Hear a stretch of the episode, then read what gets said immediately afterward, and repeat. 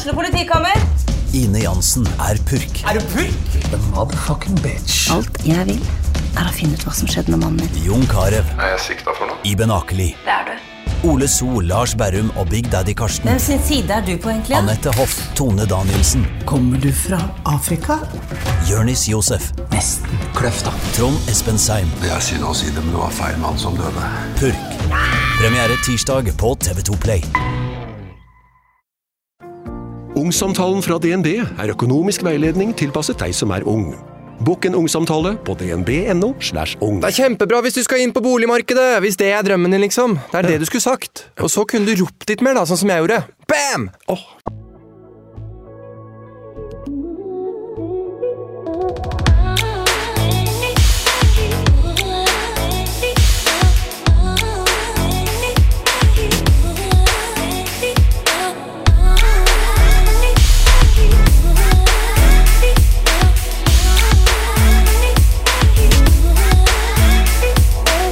Jeg har vært veldig spent på eh, dagens gjest, Helene.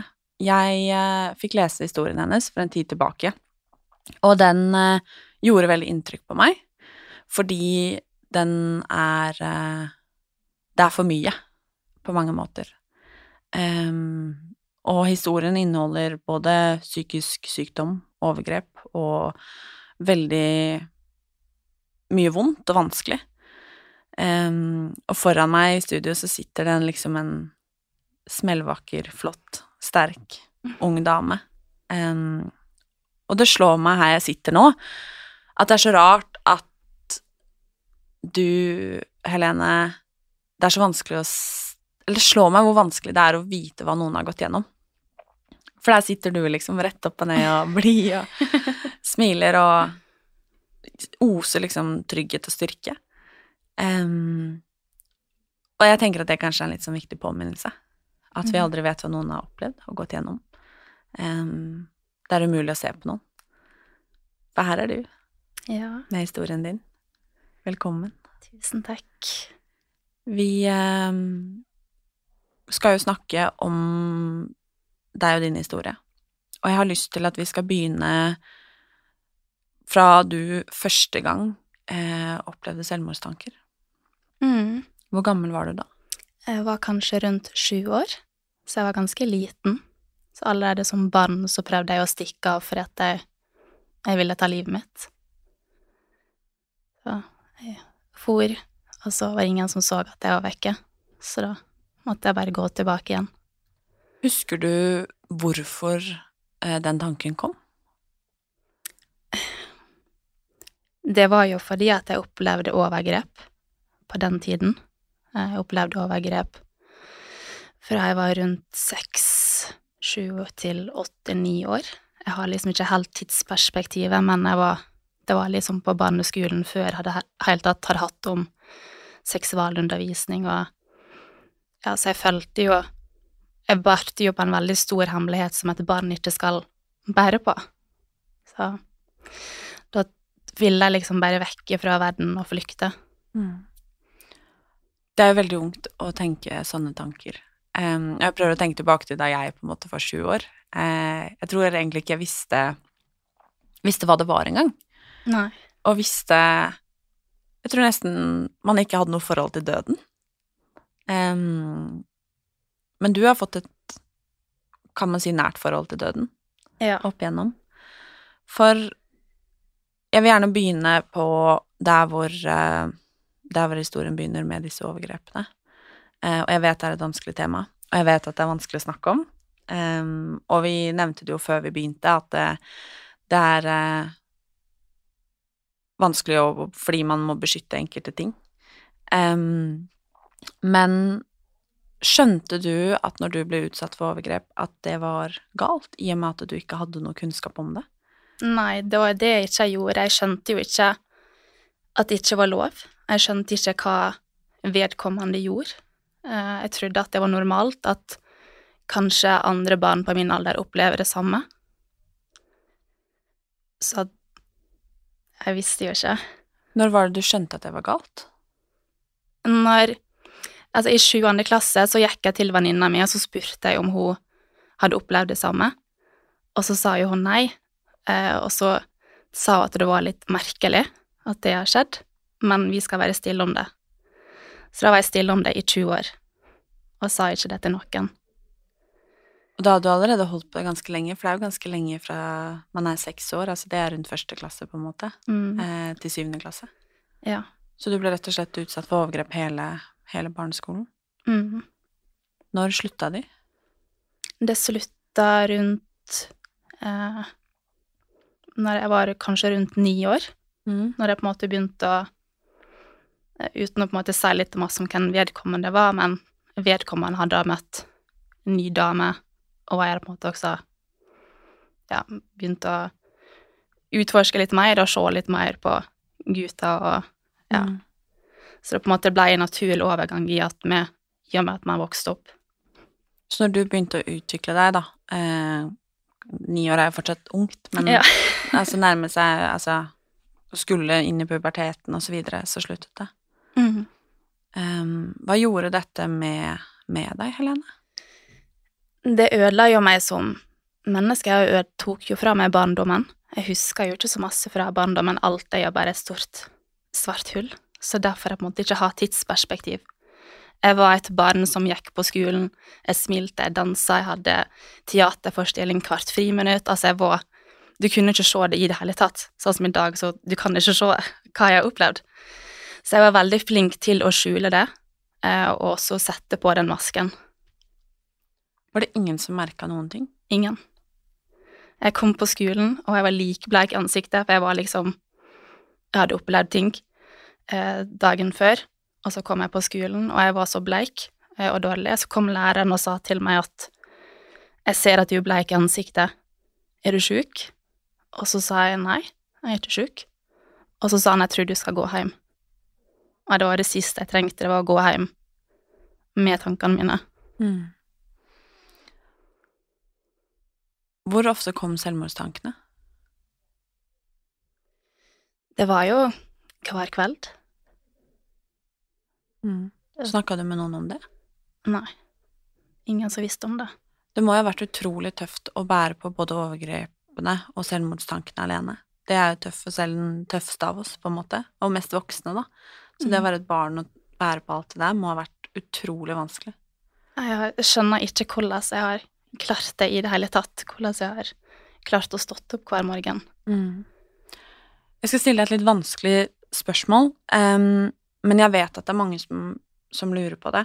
Uh, og det kan kanskje oppleves uh, både triggende, uh, men også vanskelig, så du må på en måte bare sette grensa der hvor den går for deg.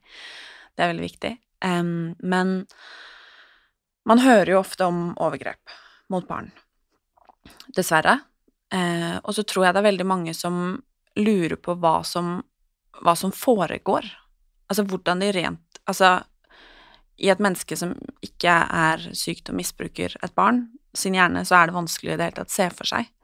Eh, scenario, forstår du hva jeg mener? Em, og uten at du trenger å beskrive hva som har skjedd med deg, eh, så håper jeg at vi kanskje kan prate litt om hvordan, hvordan det rent hvordan det har foregått, når det har skjedd, hvorfor det har skjedd, eh, og kanskje til en grad hva som har skjedd. Eh, fordi jeg tror det er viktig, viktig å vite.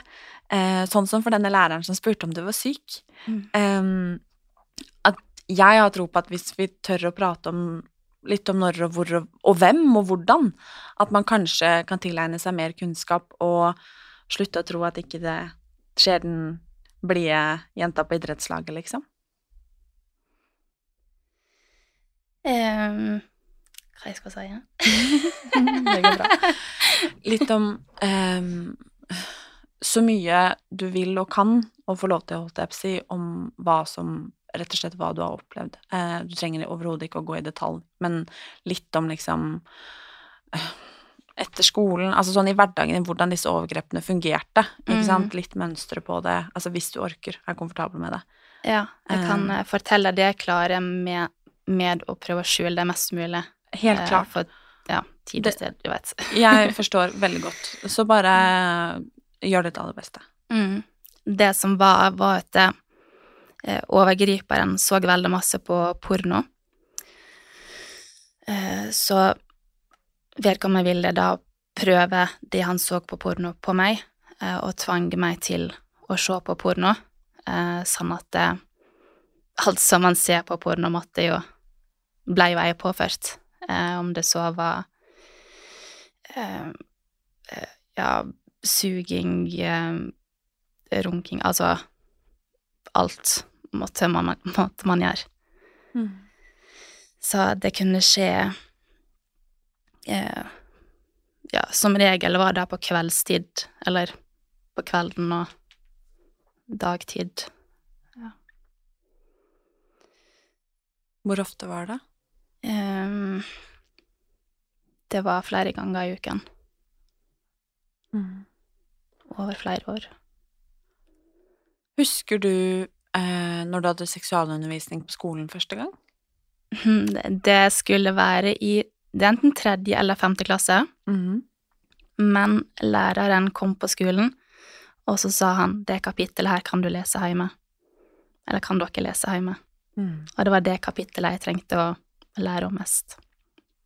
Jeg skulle så inderlig ønske at læreren kom på skolen, og at vi At han kunne snakke litt mer om grenser. Eh, hva er sex? Eh, hva er overgrep? Hva har man lov til? Har en voksen lov til å gjøre det? Har et barn lov til å gjøre det mot deg? Eh, hva er alderen? Altså, jeg skulle ønske at jeg kunne fått lære mer, sånn at jeg kunne vite at det som skjedde med meg, ikke var lov. Så jeg kunne da sagt den til en voksen. Mm. Du utvikla da selvmordstanker i stedet. Forsøkte du noen gang å ta ditt eget liv? Den gang Altså, jeg hadde planlagt Jeg skulle ikke bli mer enn 22 år gammel. Så når jeg nærma meg 22 år, så hadde jeg bestemt meg for at nå skal det skje. Eh, Men da ble jeg lagt inn på akuttpsykiatrisk, eh, som gjorde at jeg da fikk eh, bipolar lidelse. Eh, Den Eller på akuttpsykiatrien, da, for jeg har gått fra en mani til en dyp depresjon, og jeg sa at jeg hadde planlagt nå skal jeg ta livet mitt. Dette var august, og bursdagen min er november, så det var ganske nært. Men den gangen jeg faktisk prøvde å ta livet mitt, at nå, nå går ikke det mer, nå, nå Det har vært for masse. Eh, Det var i 2021. Og da var bare helt svart. Og jeg bestemte meg for at nå, nå skal det skje. Så jeg spiste mitt siste måltid. Jeg hadde jo allerede planlagt begravelsen min fra før, men nå tok jeg liksom fram planene igjen. Jeg skrev ned. Jeg skrev eh, brev til eh, de rundt, sånn at jeg kan sjekke notater for eh, hvorfor jeg tok livet mitt. Så alt var liksom klart. Og jeg prøvde det. Hadde du da fortalt dette til noen? Nei. For um, Når gjorde du det? Det var i slutten på februar 2020. Det var liksom midt i Pandemien? Ja. Mm. Så det var Det var for masse av alt. Det var nedstenging. Um, det var Jeg hadde endometrioseplage eh, der legen ikke trodde på meg. Jeg hadde gått inn og ut av kvinneklinikken på Ullevål. Uh, ja, du veit jo litt hvordan det er. Og så så legen i journalen min, og så så han at jeg hadde bipolar lidelse. Eh, Så sa han at jeg tror at smertene dine er psykiske. Og da Ja, smerten det helt for meg, så sa han at men jeg kan operere deg om en uke. Men jeg tror det er psykisk. Men jeg kan operere deg for å sjekke det. Og så satte jeg meg teksten på vei hjem, for jeg kom jo ikke meg til sykehuset uten å ta taxi. Jeg kunne ikke ta buss. Jeg kunne ikke gå. Jeg måtte liksom ligge rett ut med en spypose i handa, for det var så vondt. Og så fikk jeg da innkallelse, så sto det to uker. Og når du har så utholdelige smerter, og du klarer ikke å stå, du besvimer dusjen, eh, du hyler på T-banen for det er så vondt, og så får jeg høre at det er to uker når du trodde det skulle være ei uke, da klarte jeg ikke mer. Så det var liksom bare det han sa, var bare prikken over i-en over alt jeg hadde opplevd og ikke blitt trodd på, eh, alle løgnene eller hemmelighetene, og det, det sa bare stopp. For du var eh, det var jo ikke ditt siste overgrep når det slutta. Nei. Du var på en fest når du var eh, Var du 14 år? 14 år, ja. Det var to uker før jeg ble konfirmert. Orker du å fortelle om det? Ja. Mm. Jeg og venninna mi var hjemme alene. Mamma og pappa hadde dratt på hytta. Så da fikk vi lov til Jeg fikk lov til overnattingsbesøk. Og så hørte vi at det var en fest i, i bygda. Så det var sånn, ok, da kan vi dra dit, vi kjenner noen som er der. Og vi var jo ikke vant til å drikke alkohol, Eh, så vi fikk jo noen glass, og det var liksom, det var stas, det var litt eldre gutter, og som du vet når du er 14 år, og sånn, uh, det her var gøy. Og så eh, var liksom noen søskenbarn og sånt der, så det var jo, det var gøy.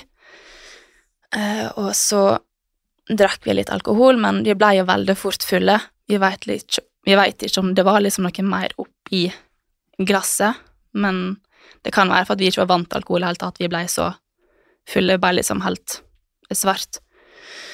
Og så gikk vi da fra festen til et nachspiel, og jeg husker at vi gikk liksom forbi huset mitt, og jeg ville egentlig gå hjem, men jeg dro på det nachspielet, og så gikk jeg eh, og la meg, og jeg var jo ganske trøtt og full, og jeg skjønte liksom ikke helt hva som skjer med kroppen, det bare surrer rundt, og du vil bare sove vekk fra rusen. Så våkna jeg til at det kommer en mann gående inn fra høyresida mi, og den mannen er jo en bekjent av familien, så jeg visste godt hvem han var. Og så er det liksom svart, og så husker jeg at Eller jeg ser liksom blikk, eh, fra at han sitter på meg. Eh, Klærne mine er av. Eh, han har sex med meg. Og jeg husker at det, liksom, det er svart igjen, og jeg, jeg har Jeg veit ikke om jeg har gått i frys, eller om jeg har sovet. Han har hatt sex med meg om, jeg, om jeg sov, eller hatt sex med meg mens jeg sov, eller om jeg har bare gått i frys og blitt svart. Så jeg føler at det er som en blanding, men jeg hadde ikke sjans for at jeg var 14 år. Han var 25 år. Ganske masse eldre, og det er jo like gammelt som du er. Så det å ha sex med en 14-åring, det jeg skjønner ikke. Og jeg, husker, jeg har vært i traumebehandling, og jeg husker at jeg sa Vi gikk liksom gjennom hendelsen, og jeg sa at jeg ikke ville ta av BH-en min. Så ofte så kan jeg på en måte holde det foran puppene mine fordi at ikke Det er fra liksom den hendelsen at han tok av meg BH-en når jeg sa nei. Så jeg sa liksom nei, nei, ikke ta av. Ikke ta av, men han tok av. Og jeg husker liksom at han tok på meg og Jeg har bare lyst til å si én ting, um, og det er at eh, Og det er både til deg og alle som lytter, at det, det, det der er ikke sex. Det er voldtekt, og det er overgrep. Og jeg er veldig, veldig lei meg for at noen tror at det er sex, eh, og at vi i det hele tatt kaller det sex. For sex er noe som skal være fint. Mens det der er en voldtekt. Og jeg er Mm. fryktelig lei meg for at du fikk oppleve det også. Men han ble jo dømt. Ja. Um, det tok en liten stund før jeg tørte å si det til noen, men det kom jo bekymringsmelding og sånn til eh, skolen, eh, og da fikk pappa de vite det, så pappa dro og anmeldte det da, dagen etter han fikk vite det. Så det var jo rett før konfirmasjonen min at jeg anmeldte det. Men han ble dømt for sex med mindreåringer og ikke overgrep. For jeg var jo bare 14 år, så jeg fikk ikke til Jeg skjønte jo fortsatt ikke at det var overgrep, fordi jeg opplevde det jeg gjorde som barn. Så det Det var jo på en måte det jeg visste, at sann er sex for meg. Mm. Eh, At du ikke vil, og at mennesker bare får styre med kroppen min. Så kroppen min kjente igjen det, eller husker det fra jeg var barn. Så når det var Når jeg skulle forklare det i avhøret, så var jeg der uten forsvarer, og det var ingen eh, som Jeg var der ute for, uten forsvarer, og politiet stilte meg så mange spørsmål som jeg aldri hadde eh, Jeg skjønte liksom ikke hva det var. De spurte sånn Brukte du kondom, og gjorde han sånn? Har du kjønnssykdommer? Har du testet deg for det? Og det var liksom veldig sånn angripende spørsmål. Hva gikk du med? Hva drakk du? Hvorfor drakk du alkohol? Og det var liksom så mange ting at jeg bare følte at det var min sin feil. Eh, Så når det var rettssak, så fikk ikke jeg være med, for jeg var så ung. At forsvareren min dro uten meg, og da ble han dømt for sex med mindreåringer.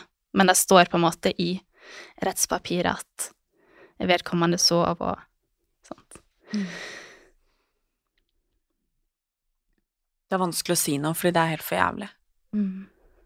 Um, og det er det jeg sier, det at vi tillater oss å kalle det sex, liksom. Det er eh, Det er det ikke. Men når dette da skjedde, var du noen gang frista til å fortelle hva som du hadde opplevd? Nei, fordi at det som jeg opplevde som barn, det var som bare en vond drøm. Mm. Det, det var liksom helt svart, så jeg tenkte at det ikke hadde skjedd. Mm. Så det var på en måte kun fokus på det overgrepet der. Og det var jo ikke før 2020, og da hadde det gått lenge i terapi, at det var en psykolog som spurte meg har du opplevd overgrep før. Og da først, når jeg fikk det spørsmålet, så skjønte jeg ja, det har jeg. Hvordan var det? Det var en lettelse. Det var så deilig å få det ut. Men det starter jo en helt ny prosess med at du åpner deg opp om det. For da kommer jo alt bare ting, ting smasha i ansiktet, det skjedde, det skjedde, og du husker plutselig masse mer. Mm. Men det var så deilig at det faktisk Det var en som spurte meg har du opplevd det før. Det var det spørsmålet du trengte? Det var det jeg trengte. For du begynte å gå i behandling. Eh, terapi. Mm. Eh, hvor gammel var du da? 14. 14. Så jeg ble sendt til eh, psykolog med en gang. Etter overgrepet. Ja. Så Mm. dro jeg først til en kommunepsykolog, og det var en eldre mann som også var sånn Hva gikk du med? Hvorfor drakk du alkohol? Du veit at jenter skal ikke eh, drikke alkohol, du er ikke så unge, du er ikke gammel nok. Da igjen fikk jeg liksom det at det her er min feil, det her er min feil. Så jeg bare, jeg bare stengte ut alt. Så at da begynte jeg å feste mer. Eh, jeg begynte liksom å Jeg bare mista kontrollen over kroppen min, og begynte på måte liksom å være med flere gutter, ligge litt rundt, eh, få kjærester som ikke var snille mot meg. Eh, så det var ikke før videregående igjen at nå må jeg til psykolog. Mm. For det lurer jeg veldig på. Når du har opplevd det som det du har gjort, eh, både overgrep som, som barn og overgrep som ungdom Eller man er jo fortsatt barn når man er under 16 år, eh, men du skjønner hva jeg mener. Eh, hvordan var det da å skulle begynne å ha sex eh, frivillig? For det har jeg tenkt på mange ganger. Jeg husker jeg tenkte veldig på det når jeg gikk på ungdomsskolen og videregående. Og du husker jo sikkert det der at det var veldig sånn snakk om hvem som var jomfru, og hvem som liksom hadde hatt sex for første gang, og alle de tingene der. Og jeg husker at på et eller annet tidspunkt så slutta jeg å spørre folk. Ja, det høres ut som jeg gikk rundt og, spurte folk hele tiden. Har du mista jomfrudommen, eller? men, men det var liksom noe man snakka om, eller sånn man kunne sitte i en gjeng eller i klassen, eller altså sånn på en fest, og så var det snakk om det, på en måte. Eh, og jeg husker jeg slutta å spørre om det fordi eh, jeg lærte om overgrep. Mhm. Eh, og da lærte jeg også det at eh, det var forskjell på å ha hatt sex ufrivillig og frivillig. Hvor gammel var du når du lærte det? Eh, da gikk jeg på ungdomsskolen. Oi. Mm. Så da slutta jeg å på en måte oppfordre til den type samtale, fordi at jeg forsto at eh, noen garantert hadde opplevd seksuell omgang, da, um, ufrivillig. Og at det spørsmålet å få, da, at liksom Hvor gammel var du når du hadde sex første gang, på en måte? Eller sånn Oi, har du Mm. mista jomfrudommen ennå? Um, at det var forskjell på frivillig og ufrivillig. Uh, og heller liksom omformulere det spørsmålet. Og nå i voksen alder så er jo ikke akkurat det man snakker så veldig mye om, men jeg tror det er en viktig greie. For, Ja. Og derfor så lurer jeg på hvordan det var for deg, for det var sikkert noe du opplevde også. Eh, at man fikk liksom spørsmål sånn Å ja, 'Er du jomfru?' eller 'Å, hvem er du sånn?' eller 'Hvor gammel var du?' og bla, bla, bla. Em, hva svarte du da, og hvordan var det å stå i den tematikken, da? Det, det var jo på en måte da jeg begynte å skjønne at når folk sa at de mista jomfrudommen til kjæreste og sånt, så skjønte jeg at For da husker jeg på en måte litt at Men jeg har jo egentlig gjort alt det der fra jeg var liten, så jeg måtte jo bare sånn ah, nei, jeg hadde jo sex med kjæresten min Altså Jeg måtte liksom komme på litt sånn historie eh, rundt det, og så at man prøvde å ha eh, Eller ville ha sex med andre for å kunne si det. Mm. Det verste er at jeg er sånn mer sjokkert nå over at du lærte det på ungdomsskolen. Mm. At det, for det hadde ikke vi hatt noe om. Nei, men jeg tror jeg lærte det ikke på skolen. Nei. Jeg tror det var på en måte av, av livet, egentlig. Eh, og at jeg hadde en venninne som hadde opplevd overgrep, og at det slo meg, på en måte. At det var eh, For jeg husker at hun fikk spørsmål om eh, første gutten hun skulle være med, da, frivillig. Han spurte om hun var jomfru. Eh, og det var hun jo ikke. Nei. Eh, men så sa hun jo ja. Em, at hun var det. Um, og det lærte jeg da ekstremt mye av. Uh, fikk du det spørsmålet? Ja, det fikk, kom jeg på nå, at det fikk jeg faktisk. Uh, og han som jeg da mis, mista den til, som jeg ikke gjorde, uh, han skjønte Eller han tvilte liksom på det. For han skjønte jo at det der har jeg gjort før. Ikke sant? Mm. Hvordan var det da å på en måte ha samtalen i ja, men vennegjeng, altså sånn Det er jo et tema sånn 'Å, jeg har gjort dette', og liksom Altså, jeg husker første gutten på, på trinnet på ungdomsskolen som hadde gått ned på en jente, liksom. det var liksom Det var så big deal, på en måte. Eh, og det er så teit nå når man snakker om det i voksen alder, men der og da, du, du veit åssen Det er jo en ting. Ja, det er jo en ting, da. Grattis til han. Holdt jeg på å nevne navn? Nei da. Um, Hvordan var det da å på en måte snakke om sånne ting? Eh, og den tematikken, når det var faktisk noe du var tvunget til for mange, mange, mange år siden? Jeg prøvde å unngå det så mye som jeg kunne. At vi på en måte, Jeg ville liksom ikke snakke om det, og prøvde å på en måte skyve det over på andre. At liksom Ja, men du Kanskje du snakker om det, og eh, at jeg, prøvde, jeg prøvde bare å lure meg unna. Mm. Syns du, når du begynte å ha sex frivillig, at det da var en god opplevelse? Nei. Nei. Absolutt ikke. Eh, Kroppen gikk jo i frys, som så før. At man liksom bare, bare ligger der, og så har, Du har liksom ingen motstand, du bare mister alle kreftene. Eh, men så må du bare, på en måte bare sette på smilet og bare sånn 'Å ja, det her var bra'. Så fortsatt den dag i dag så sliter jeg liksom med det. Fordi at jeg får så masse flashbacks. Så hvis man har sex, så kan jeg plutselig se for meg et annet ansikt, og den overgriperen, den overgriperen, eller hvis han tar på meg på en, på en plass, og blir sånn ikke, ikke ta der, eh, gå vekk. Og så kan jeg få panikk, så jeg må jobbe veldig masse med meg sjøl med å være til stede og vite at jeg er trygg. Mm. Vi kan jo ikke og skal ikke snakke noe om eh, overgriperen i barndommen. Eh, men hvordan var det å leve med i et miljø der hvor denne, dette mennesket eksisterte? Du blir jo stadig påminnet på det. Og jeg merka at jeg hadde en sånn viss avstand til vedkommende, men jeg måtte på en måte sette på masken og så late som at vi er gode venner. Og sånn at ingen skulle skjønne, for jeg måtte jo beskytte vedkommende. Og jeg måtte beskytte hemmeligheten som jeg ble bedt om å ikke si til noen. Jeg lurer på, jeg, Helene, hvordan i helvete det var for den personen. Det lurer jeg også på. For at én ting er deg, på en måte, men den andre personen som også da åpenbart har faka, på en måte Fy faen, det lurer jeg på åssen var, altså. Jeg håper at det har vært jævlig. Mm. Det er jeg òg. Shit. Men du fikk jo diagnosen bipolar. Mm. Hvor gammel var du da? Rundt 21 år. Da er jeg litt sånn frista til å spørre om det har blitt trigga av det du har opplevd. Ja, Jeg tror nok det har blitt eh, utløst av traume. Mm. For at vi kan Bipolar lidelse kan komme av arv, eksempel at noen i familien har det. Eh, hittil så vet jeg ikke om noen som har det, men jeg tror kanskje at det har blitt utløst av eh, overgrepene og stress og traume. At Mm. det er da fordi at etter overgrepene av 14 år, så skjedde en endring med meg. At jeg plutselig da begynte liksom å feste meg, ligge rundt og eh, drite i liksom alt mulig og bare være kjempehøy på seg sjøl, eh, til å på en måte gå nedover i depresjon igjen.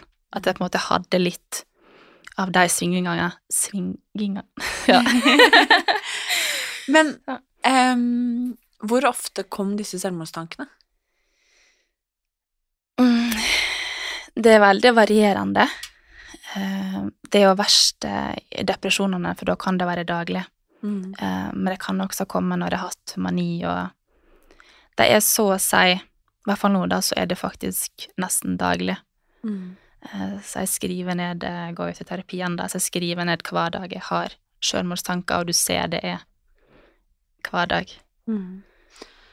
Hvordan er det å leve med bipolar lidelse? Det er ganske slitsomt, men også veldig gøy.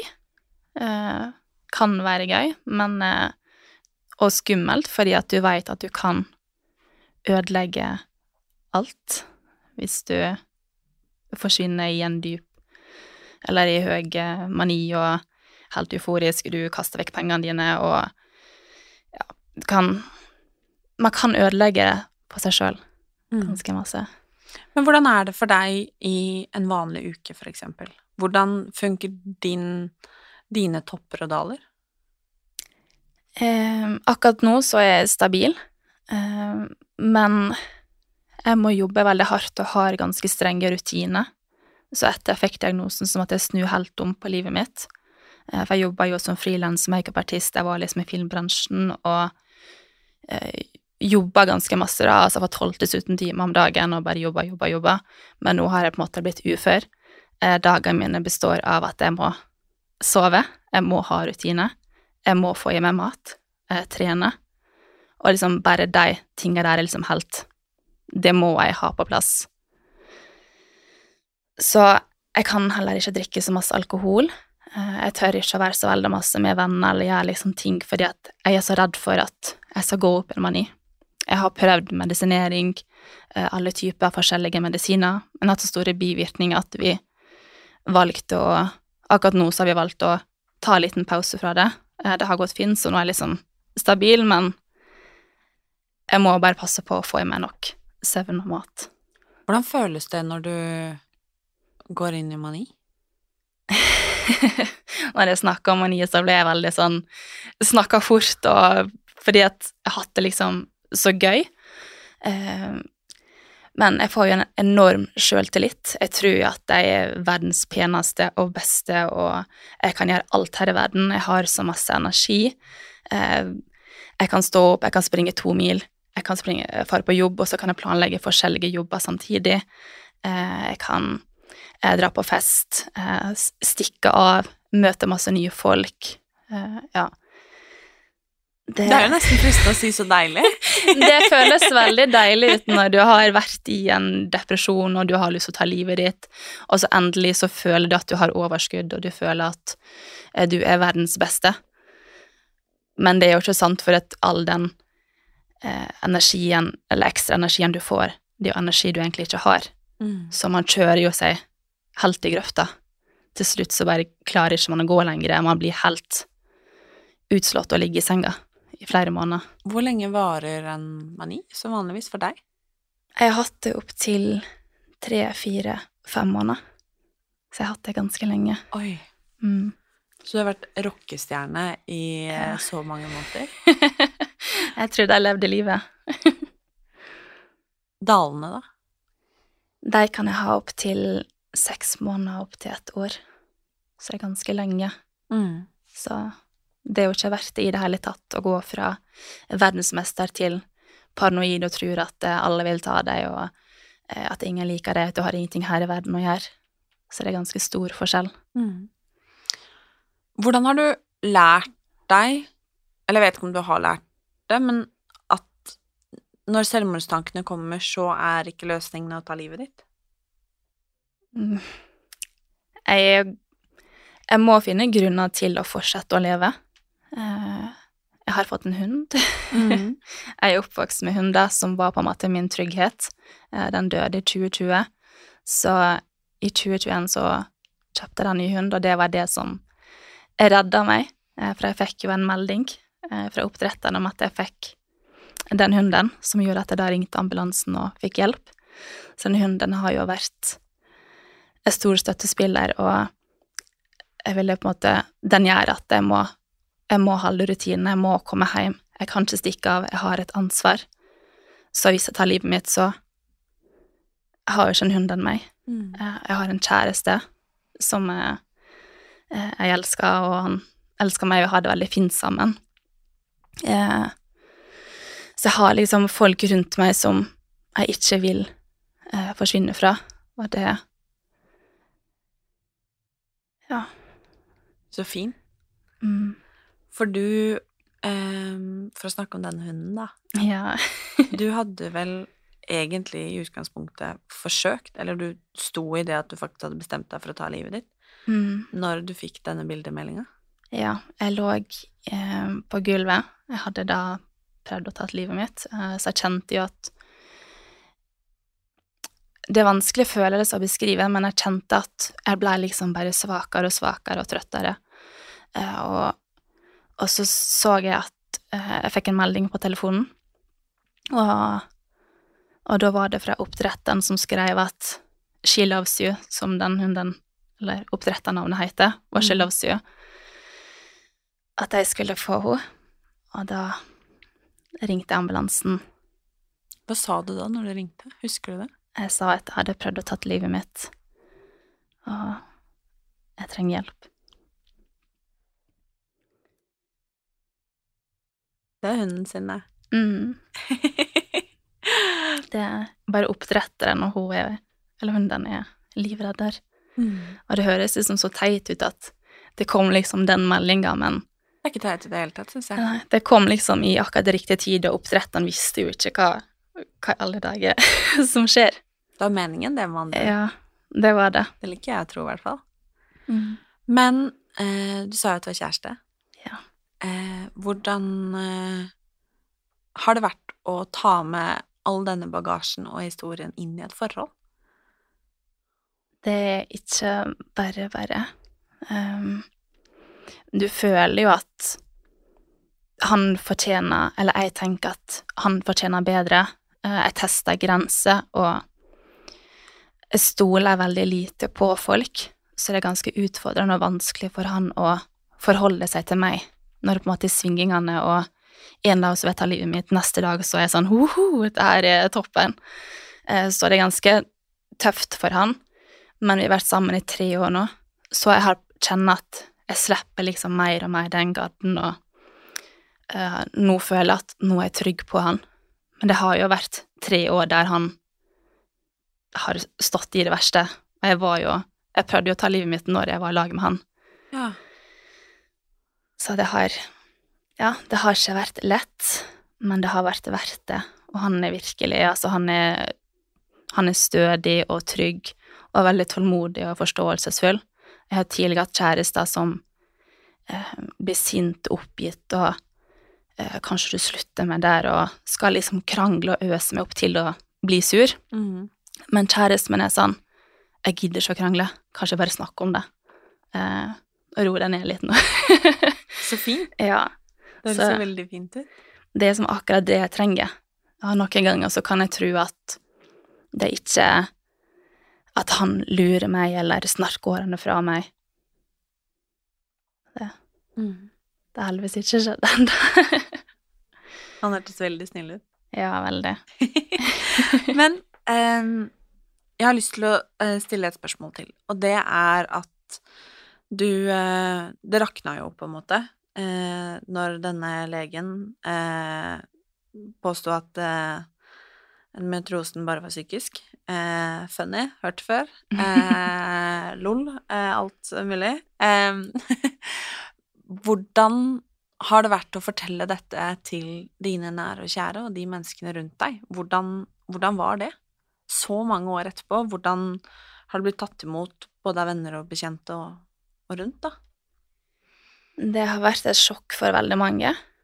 Um, og noen har jo skjønt litt mer, um, mens andre har tatt avstand. Så det har vært liksom en ny sorgprosess der du skal Eller der jeg har mista folk også, da. Uh, og det er på en måte, ja, uten å si liksom for masse, men veldig mange nærme folk, eller folk som er nærme, som burde ha vært der, er ikke der. Så jeg måtte liksom eh, Ja, finne grunner til å leve, og at Jeg prøver liksom ikke å si for masse hvem folk er, men at jeg må Jeg må skape mitt eget liv med folk som jeg vet bryr meg om meg, og som er, alltid er der for meg. Mm. Og jeg kan ikke sitte og vente på at eh, nå er de glad i meg, eller nå er de sinte. Eh, sånn hvis jeg snakker om det, så kan de bli sinte. At jeg vil at jeg ikke skal snakke om psykisk helse eller overgrep og sånne ting. Så de personene har jeg på en måte måttet tatt vekk fra livet mitt. Jeg syns det er er veldig interessant, det der.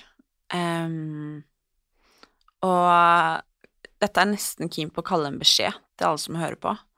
Uh, kanskje det er en av disse menneskene du har i tankene dine, som hører på nå. Eh, og det er bare at jeg, jeg syns det er helt fuckings sjukt.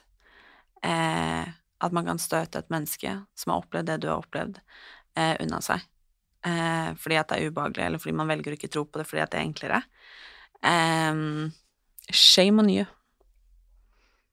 Og så får jeg en enormt stor respekt for deg, Helene, som faktisk våger å stå og prate om dette her.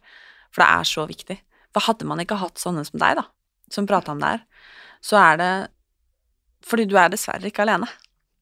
Historien din er ikke unik, og det er forferdelig. Jeg skulle virkelig ønske at den var det.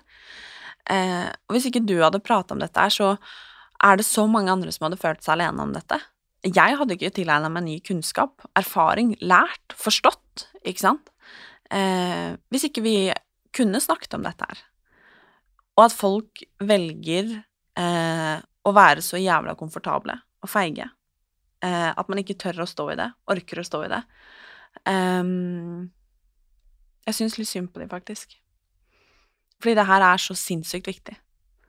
Em, og det at du tør å sitte her og fortelle, eh, så rakrygga rygga og sterk som det du er, det, eh, det betyr alt for noen der ute.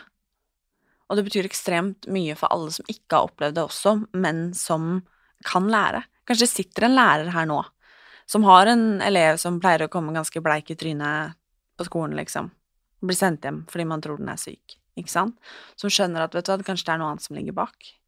Kanskje man Det er en jente som sitter og hører på nå, som har en venninne som har stilt noen spørsmål som kanskje hadde krevd at man stilte noen litt harde spørsmål tilbake. Kanskje sitter en behandler der ute som skjønner at å stille det ubehagelige spørsmålet om man har opplevd andre overgrep, eller at man har i det hele tatt opplevd noe vondt eller kjipt, liksom, er enda viktigere enn hva man kanskje trodde. Det er så utrolig viktig. Um, og først og fremst for, for at verden skal være et litt bedre sted. Um, og jeg er veldig lei meg for at du og veldig mange andre og møter og har møtt mennesker som har fått deg, da, og andre til å tro at verden ikke er et bra sted. Um, og jeg har i hvert fall veldig lyst til å si at uh, verden er et bedre sted fordi du er her, og det håper jeg du vet. Takk. Og så har jeg lyst til å avslutte med å spørre om du har noen, noen tanker, eller kanskje til og med tips, hvis det er noen der ute som sliter, eh, har opplevd noe vanskelig, enten noe av det samme som deg, eller noe lignende, eller hva det nå måtte være, hva du har gjort for å komme deg gjennom, og for å sitte her i dag. Det viktigste for meg har vært å være åpen eh, med noen jeg stoler på.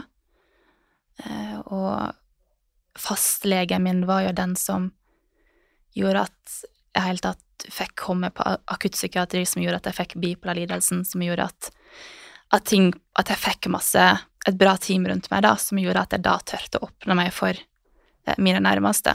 Så åpenhet har jo vært aller viktigste tingen i mitt liv. Eh, og når jeg på en måte har fått jobba med meg sjøl, eh, blitt tryggere på meg sjøl, eier liksom Jeg eier diagno diagnosen min. Jeg er ikke bipolar, men jeg har en bipolar lidelse. Og overgrepene, det, som, det er ikke en del som skal ta over meg. Eh, så derfor klarer jeg nå å være åpen og snakke om det, eh, for at jeg kan Jeg vil hjelpe andre, men det at jeg får hjelp andre, hjelper også meg sjøl. For at da Jeg ser at jeg ikke er aleine. Så jeg, jeg, tror det er viktig å, å snakke med noen. Og hvis du sliter med sjølmordstanker, så vær så snill, ta kontakt med fastlegen eller helsepersonell eller en venninne, og så bare snakk om det. Mm. Si at du har, liksom, du har det litt vanskelig. Veldig fint tips. Tusen, tusen takk for at du orka å komme, og for at du både har delt eh, en viktig historie og kloke ord og, og styrke. Tusen takk for at jeg fikk komme. Det har vært stas. veldig, veldig hyggelig å ha deg. moderne.